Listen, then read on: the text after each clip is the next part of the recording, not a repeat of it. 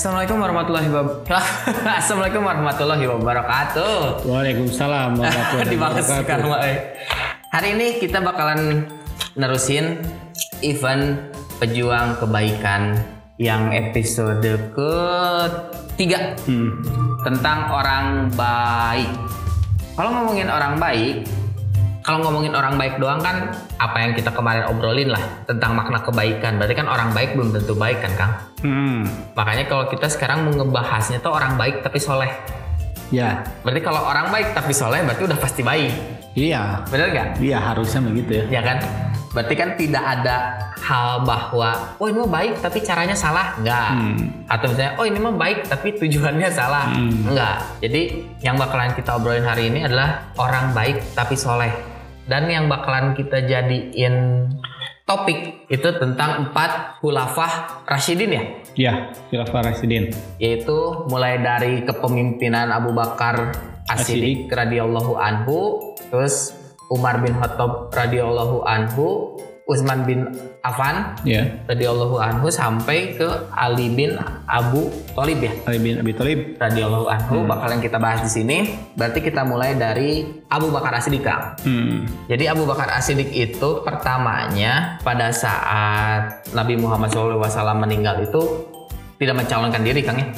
Ya, karena memang semua sahabat-sahabat Nabi itu nggak ada yang mencalonkan gitu. Karena kan mereka juga menyadari untuk mencalonkan ke posisi tersebut kan Berat. beban gitu kan. Apakah pantas dan tidak pantas gitu kan. Tapi kan akhirnya mungkin yang lebih dituakan gitu kan. Heeh. Satu mungkin kan ada empat orang itu, terus yang paling dekat tuh kan yang empat orang itu. Daripada akhirnya yang mungkin di di muncul orang mah dijurungkan Iya. Iya. bisa dijerumuskan gitu kan bisa dijerumuskan bisa juga dijadikan dis maneh malah gitu. Iya. kalau bahasa sekarangnya kan gitu gitu dan juga mungkin kan Abu Bakar yang paling tua gitu kan usia Iya. mm. dan Abu Bakar itu eh, merupakan manusia ke manusia paling agung kedua setelah Nabi gitu kan karena dibeli gelarnya An Asidik tuh Ya sedikit. pertama dibeli gelarnya Asidik karena beliau tuh adalah orang yang pertama kali mempercayai peristiwa Isra Miraj. Iya. Nah, makanya Mm, mm, mm. kalau Abu Bakar tuh orang yang mempercayai mempercayai semua semua ucapan Nabi yang belum tentu orang lain itu percaya. Iya, makanya diberi gelar Asidik lah Abu Bakar itu. Kalau nggak salah Abu Bakar Khulafaur Rasyidin tuh eh, kurang lebih memerintah bukan memerintah lah ya memimpin setelah Iya. Nabi itu kurang lebih 30 tahun gitu. Mulai dari tahun 632 Masehi atau 11 Hijriah. Mm-mm. Nah, kenapa kita pilihnya Khulafaur Rasyidin gitu maksudnya? Karena kan kalau Nabi, bukannya kita tidak mau eh, memilih sosok Nabi Muhammad, tapi kan kalau Nabi Muhammad memang sudah dibersihkan hatinya. kan? Benar. maksudnya gitu sudah memang sama malaikat Jibril udah diambil Mm-mm. apa ya hawa nafsu atau apa ya? Jadi udah pasti baik aja semua gitu maksudnya. Iya. Dan juga kan Nabi Muhammad tuh Nabi dan Rasul kan pasti terjaga semuanya. Iya.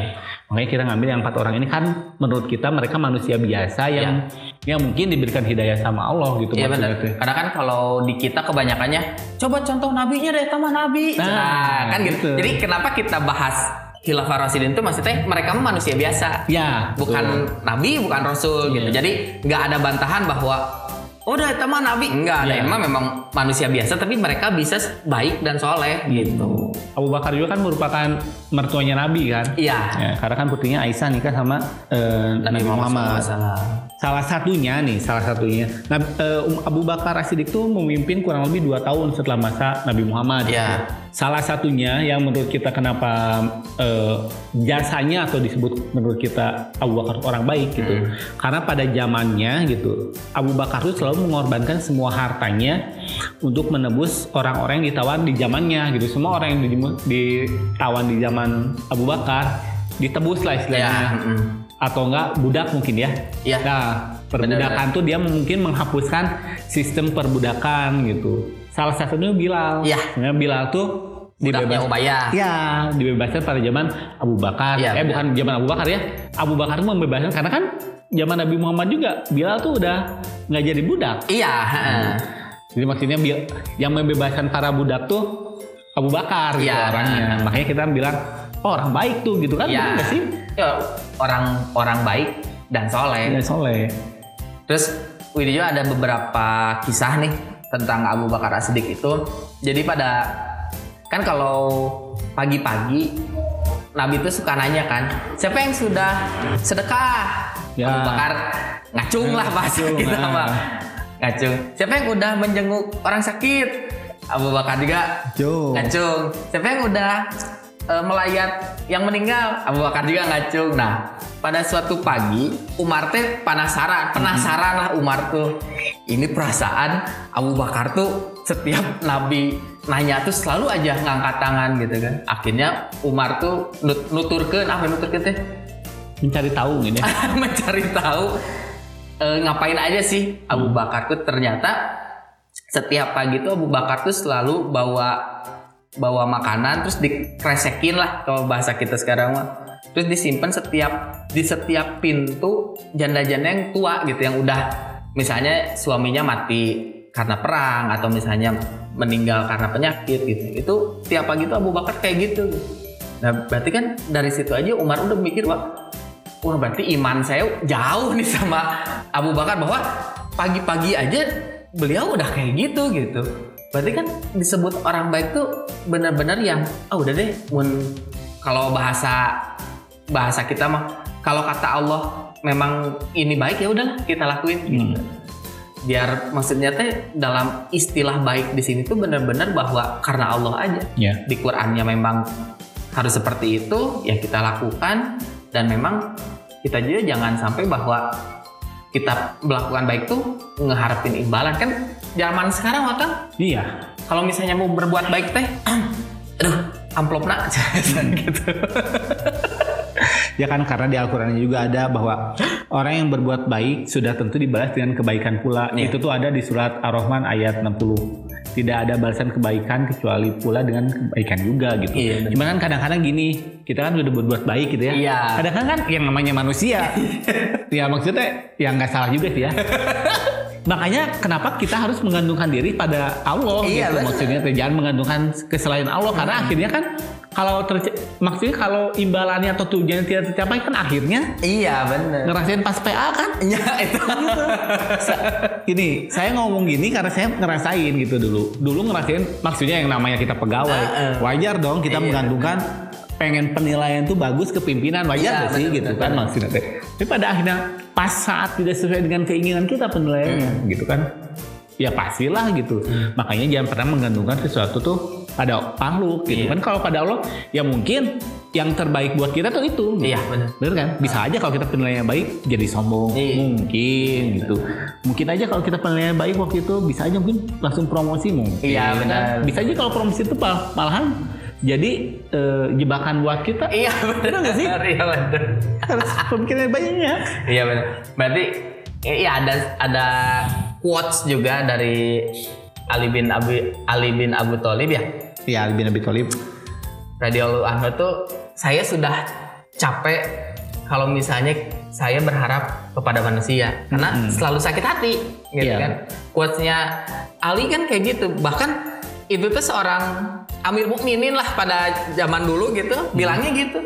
Kalau saya berharap sama manusia mah udah yakin sakit Iya. sakit gitu pasti kecewa Kecewanya pada saat itu sih ya. Sebenarnya Iya. tidak sesuai dengan ekspektasi Iya. sebenarnya. Tapi kalau selama itu sesuai sama ekspektasi mungkin dia enggak Enggak, cuman salahnya di situ sih masalahnya. Takutnya semua pengharapan dia ke makhluk lu selalu sesuai ekspektasi gitu loh. Jadi kan pemikirannya ya udah saya menggantungkan diri nggak usah pada Allah, bener gak sih? Iya, benar. Kan takutnya gitu. iya benar Tapi mungkin juga dengan sentilan itu bahwa pada suatu saat tidak sesuai ekspektasi, kita berpikir ulang. Harusnya sih gitu. Kalau orang sih dulu berpikir gitu, makanya mau penilaian, penilaian oh sih gitu maksudnya. iya benar Jangan sampai kita sudah berusaha gitu karena menggantungkannya pada makhluk, ya akhirnya gitu. Hmm. Dan setelah di demo pun kan nggak berubah. iya Bener kan bahasanya mah itu. Jadi percuma bahasa Sunda mah genok gitu Iya, ya maksudnya. Udah berjuang mati-matian, melakukan yang terbaik tiba-tiba tidak tidak sesuai ekspektasi ya gitu. Makanya lebih baik pasrah aja. Pasrah gitu kan. karena balik lagi kata-kata Kang Deska bahwa hasil mah tidak mengkhianati Allah Tuh, makanya harus kita rubah pemikiran itu. Ya kan? Ya. Kan Thomas Alva Edison juga dia Iya. berusaha berulang nggak sekali kan? iya benar Dia harus mencapai berapa ribuan kali gitu. Berarti kan selama yang gagalnya itu iya benar Bahkan kan Mas Ete itu udah berapa berapa ngeluarin dana, biaya iya biaya berapa waktunya. kalau ada peribahasa yang usaha tidak akan mengkhianati hasil iya kapan waktunya Iya. kan makanya Nah. lebih baik dirubah orang sih gitu karena lebih aman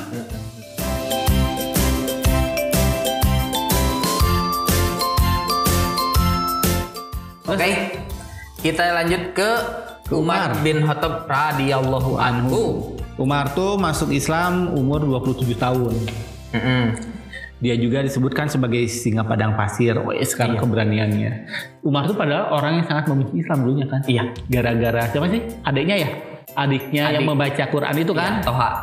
Akhirnya dia masuk Islam gitu. Islam. Umar memerintah kurang lebih 10 tahun setelah Abu Bakar As-Siddiq. Nah, Umar tuh kan kalau Abu Bakar Siddiq nih orangnya mungkin salah satu kebaikannya membebaskan tawanan-tawanan atau budak-budak Islam. Mm. Nah, kalau Umar ini dia tuh sangat mencintai dan melindungi anak yatim. Iya. Ya. Jadi kan bedanya maksudnya gini, eh, Abu Bakar baik, Umar baik. Iya. Tapi Abu Bakar tidak melakukan apa yang eh tapi Umar tidak melakukan seperti yang Abu Bakar lakukan. Iya. Bener kan? Betul. Mungkin ah, dah itu mah udah sama Abu Bakar. Iya. Saya mau yang lain gitu. Iya. Nah, Karena kan kalau kata Nabi Muhammad SAW aja ada di hadisnya bahwa iman seluruh manusia kalau digabungin dari awal sampai akhir nggak akan pernah nggak akan pernah melebihi imannya Abu Bakar As-Siddiq. Hmm. Berarti kan segimana hebatnya gitu Abu Bakar As-Siddiq radhiyallahu anhu tuh imannya kepada Nabi Muhammad SAW gitu. Hmm. Di saat kata Nabi, oh saya terbang ke langit ketujuh, siap, percaya, gitu. Mungkin kayak TNI kalau sekarang ya. Iya. Bener kan? Iya. Kalau TNI itu apa pun kata komandannya dia oke, Siap. siap kan? siap aja. Mau itu ketemu di jalan di mana bener sih. Iya benar kayak gitu. Kisahnya tuh jadi gubernur di Mesir, kalau nggak salah ya, gubernur di Mesir itu tuh ngambil tanahnya orang Yahudi di sana. Hmm. Tapi si gubernur di Mesir ini tuh udah nego berapa kali si Yahudinya nggak mau nggak mau jual si tanahnya. Terus karena kepentingannya ternyata untuk dijadikan masjid, intinya mah diambil paksa lah, Hmm. gitu kan. Si Yahudi ini nggak nggak nerima, langsunglah kirim surat ke Amir Mukminin pada saat itu Umar bin Khattab. Hmm. Di situ Umar marah, ambillah satu satu tulang terus dituliskannya alif, dikirim lagi tuh ke, ke Mesir, terus dikasihin lagi ke gubernurnya. Di situ gubernurnya langsung ketakutan, ditanya sama si Yahudinya, kenapa kamu begitu ketakutannya? Padahal Umarnya kan di Iya, jauh, jauh. di Madinah Madinah. gitu kan. Kok bisa sampai ketakutan gini? Kalau menurut engkau yang cuman melihat hanya tulang dan sat, apa satu garis eh, alif ini mungkin biasa aja. Tapi menurut kami yang muslim itu cakakan bahwa kamu tuh nanti bakalan jadi tulang. Kamu tuh harus harus bener. Hidup tuh kudu bener gitu. Maksudnya alif di sini tuh jalannya kudu lurus gitu. Bisa menaungi yang lain gitu. Jangan sampai kamu nanti meninggal tapi jalan kamu nggak lurus. Ya maknanya dalam sih sebenarnya. Saking karismatik ya Hmm. Saking karismatiknya Umar gitu. Terus kalau ngomongin kebaikannya Umar, Umar dulu juga pernah ini ya Kang ya, belusukan. Ya kalau sekarang kan Iya. kan booming. Jadi belusukan itu nggak booming pada tahun 2014. Iya. Iya benar. Nggak masuk ke gorong-gorong. Jadi nggak. sebenarnya nggak salah kalau pada tahun 2014 ngikuti jejaknya Umar karena Iya. dulunya ada gitu maksudnya. Jadi kalau ada yang berpikir wah belusukan tuh jelek, ternyata Iya ternyata. Umar pun melakukan itu jadi nggak Iya. salah. Nggak salah. Jadi Umar belusukan pada malam hari pada saat rakyatnya lagi tidur. Nah, Umar. cuman bedanya mungkin itu. Tapi sama dia yang gelap kan? Iya yang gelap. Bener kan? Kan saya ngomong gelap Iya, ya. benar benar benar benar. pada saat malam hari belusukan pengen seenggaknya nanti pada saat dihisab nggak terlalu berat kan sebagai pimpinan kan hisabnya berat. Jadi Umar ngecek lah kondisi eh, rakyat Iya, pada rakyatnya. saat di Madinah ternyata ada seorang ibu-ibu lagi Masak ini masak batu Mm-mm. dan di itu di kuali gitu. iya di kuali Kayak yang masak. masak batu sampai anak-anaknya tertidur karena anak-anaknya kelaparan. Hmm. Nah di situ Umar bin Khattab ngerasa bersalah dan beliau ngambil berapa sak gandum ya? Iya, di ini ya, di bank mungkinnya kita Ya di bank lah, gudang atau apa ya? gudang lah gitu kan. Akhirnya ngasih ke si ibunya bahkan Umar nggak mau diambilin, Mm-mm. Si Dipikul sak sendiri kan? dipikul sendiri karena dia tahu bahwa nanti di akhirat mah orang lu ditanya saya yang ditanya bukan Hmm. kamu gitu. Akhirnya Umar juga ngemasakin juga Iya. Kalau sekarang mah kalau sekarang itu pencitraan ya. pencitraan. Padahal kan sebenarnya mah ada ya pemimpin kita juga dulu gitu. Ada. Cuman mungkin nggak ada medsos dulu. Iya, Iya. betul. Kalau sekarang kan Terus ada yang nggak ditulis pas di sak gandumnya nggak ditulis bantuan dari Hmm. Nah, oh, itu. enggak dulu.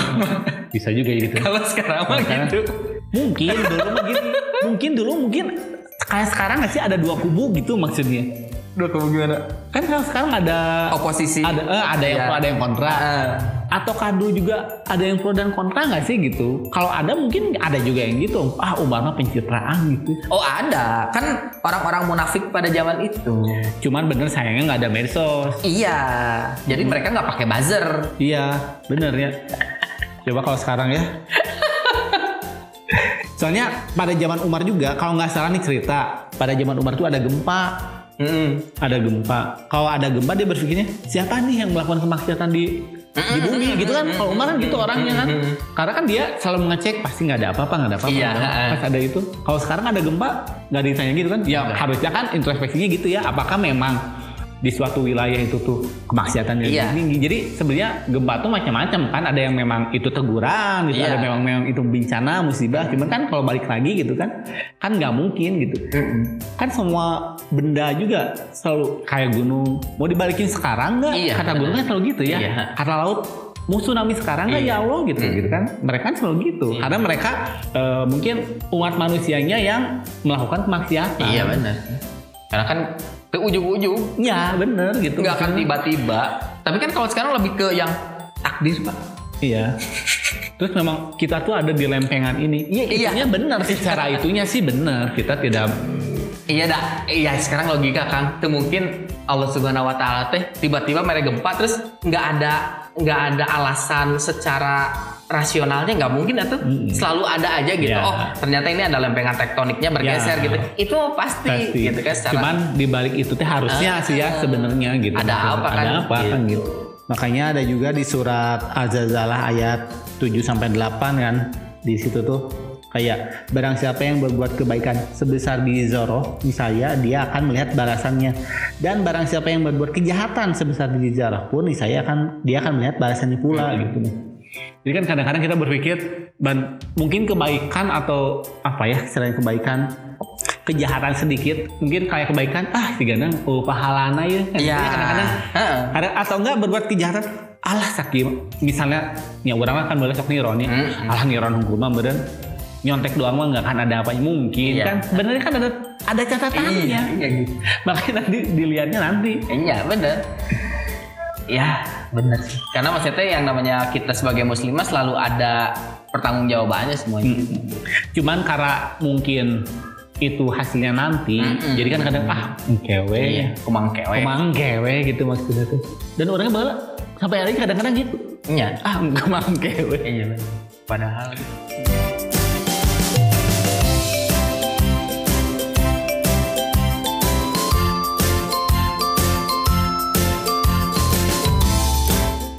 Oke kita lanjut ke Utsman bin Affan radhiyallahu anhu. Wah, ini keren banget. nah kalau ini kan soalnya dia memang dari Usman tuh emang orang kaya kan berasal dari orang-orang terpandang lah gitu maksudnya hartanya banyak cuman yang hebatnya dia memang bukan memberikan memberikan semua hartanya untuk Islam sih itu yang hebatnya gitu maksudnya. Utsman memerintah kurang lebih 13 tahun setelah Umar bin Khattab. Gitu. Dan Utsman pun disebut sebagai Zunwa wal Hijratain gitu. Mem- orang yang memiliki dua cahaya karena beliau kan yang menikahi dua anak Rasul iya, betul. Ruqayyah dan Umi Kalsum. Makanya disebut memiliki dua cahaya benar? Iya. Kan bahkan kata Nabi Muhammad SAW di di kisahnya kan kalau misalnya saya masih punya anak perempuan lagi, sama Utsman iya, mau dinikahin lagi sama Utsman. beda lagi kan? Beda sama Umar sama Abu Bakar gitu maksudnya jadi memang punya keistimewaan masing-masing Iya, gitu maksudnya. Kalau Utsman kan karena saking kayanya gitu. Iya. Ya menyantuni pasti kan gitu kalau Abu Bakar dulu melakukan itu Umar pun pasti melakukan itu tapi ada amalan Umar yang lain Iya betul. Usman juga pasti gitu melakukan apa yang Abu Bakar eh Umar lakukan dahulunya tapi ada lebihnya juga Iya. gitu maksudnya Kalau Usman tuh lebih karena mungkin eh, beliau kan dermawan lah. Iya, dermawan. Ditambah lagi kan beliau kaya raya jadi sebenarnya kalau kisah inspiratif tentang kebaikannya lebih ke masalah tentang sodakohnya beliau ya. Sumur ya Sumur. umur terus bank apa ada kan sampai sekarang Iya bank sampai ad- sekarang tuh di bank Arab itu masih ada sahamnya ya eh, sahamnya kalau bilang mah saham rekening. gitu ya Iya, rekening rekening ya rekeningnya masih ada gitu. Ini bukan tujuh turunan lagi. Hmm. sampai kiamat itu mah Iya. Karena kan kalau kisahnya yang populer kan yang sumur itu kan di saat kaum muslimin lagi di blok di blokade wah di blokade. Jadi selama berapa tahun tuh yang perjanjian Hudaybiyah ya Pak? lupa ya. Ya perjanjian itulah. Jadi negara Muslim pada saat itu Madinah tuh kan Hmm. benar-benar diblokir semua mulai dari makanan gitu kan segala hal ternyata masih ada sumur tua milik Yahudi pada Iya, saat itu dijualnya kan anggaplah 10 kali lipat dari harga normal tapi Hmm. Usman beli beli dibelinya kan awalnya setengah Eh, eh. ya kan setengah jadi mungkin sebelah kanan boleh diambil sebelah kiri nggak Ah. boleh punya Yahudi. Tapi kan lama-lama Yahudi mikir ya Eh, namanya air kan surut. Ini. Udahlah sudah lah jual. Tapi jadi murah ya? Iya jadi murah. Jadi murah. Terus hebat kalau gitu Usman tuh yang paling jadi inspiratif buat Widi tuh yaitu jadi saat Nabi Muhammad SAW bilang ya kita bakalan eh, berperang apa ya pada saat itu? Perang nggak tahu Badar nggak tahu Uhud. Kita bakalan perang eh ada yang mau ya perang Uhud itu. Sedekah Iya. gitu. Butuh berapa kuda? Butuh berapa Iya. unta? Gitu kan. Ya kan? Kemarin kan ada ceritanya. Pertama teh 200 kuda siap dengan makanannya terus 300 unta. Sampai kan gitu. Saking kayanya terus memang ya untungnya orang Islam ya. Untung dia beriman gitu. Maksudnya kan Nabi itu sebenarnya kan tinggal minta dikasih loh Iya, Cuman kan Nabi bilangnya hanya dicukupkan rezekinya untuk Iya. Muhammad. Dia nggak minta kaya raya gitu maksudnya. Kan sebenarnya Nabi Nabi pun kan pas mau meninggal ditanya kan ya Rasulullah, kamu masih mau di dunia Iya. Atau mau balik lagi? Sampai ada cuman ada cuman Rasulullah yang tanya gitu ya. iya Nabi-nabi lain mah enggak, saking mulianya gitu maksudnya. habis nabi-nabi yang lain mah dibunuhin pak sama umatnya Kalau Usman sih lebih ke situ ya, cuma dia memang lebih ke harta ya maksudnya. Banyak berbuat baiknya dari segi dari segi hartanya. hartanya. Gitu.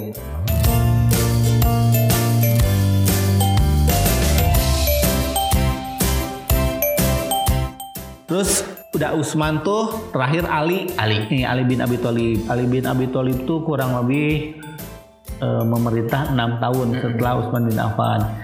Nah, Ali bin Abi Thalib itu sebenarnya orang kedua yang menerima Islam setelah Khadijah. Iya. Jadi kalau Ali bin Abi Thalib tuh dididik sama Rasul tuh dari, Dari kecil. Makanya yang tahu banget tentang seluk-beluk Islam itu sebenarnya Ali bin Abi Ali, Thalib. betul. Dibanding tiga eh, khilafah sebelumnya ya gitu maksudnya. Karena pada saat itu pada zamannya Umar, kalau nggak salah tuh ada pendeta yang nanya dan Umar tuh nggak bisa jawab. Cuman pinternya Umar panggilnya Ali gitu. Iya. Panggil Ali. Iya. Ya, gitu kan.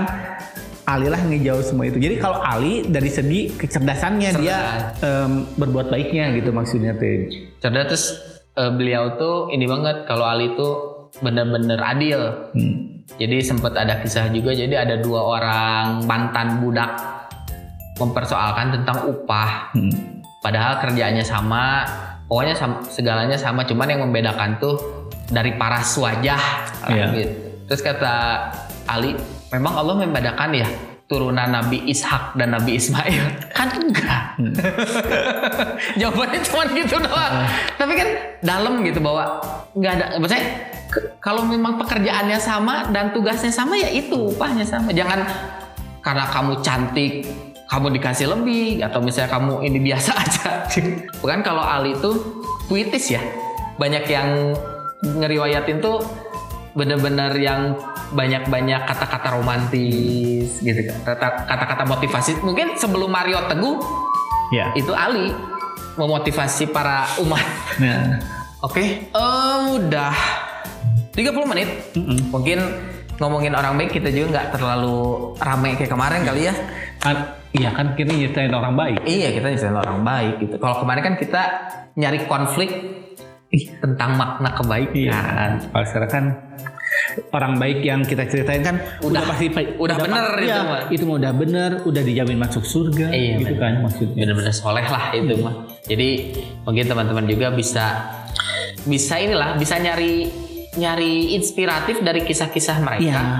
Bisa kalian googling atau lihat di YouTube. Kalau misalnya pengen lebih jelasnya di ini loh di Ustadz Halid Basalamah Mm-mm.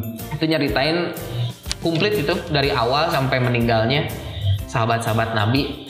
Jadi bisa jadi gini lah. Kalau menurut kita orang baik itu nggak nggak nggak bisa cuman satu sisi baik aja. Tapi kalau menurut kita sebagai Muslim ya orang baik juga harus soleh gitu. Iya. Karena kalau ngomongin soleh, ya insya Allah baik. Gitu kan. Iya. Betul. Ya udah, terima kasih. Wassalamualaikum warahmatullahi wabarakatuh.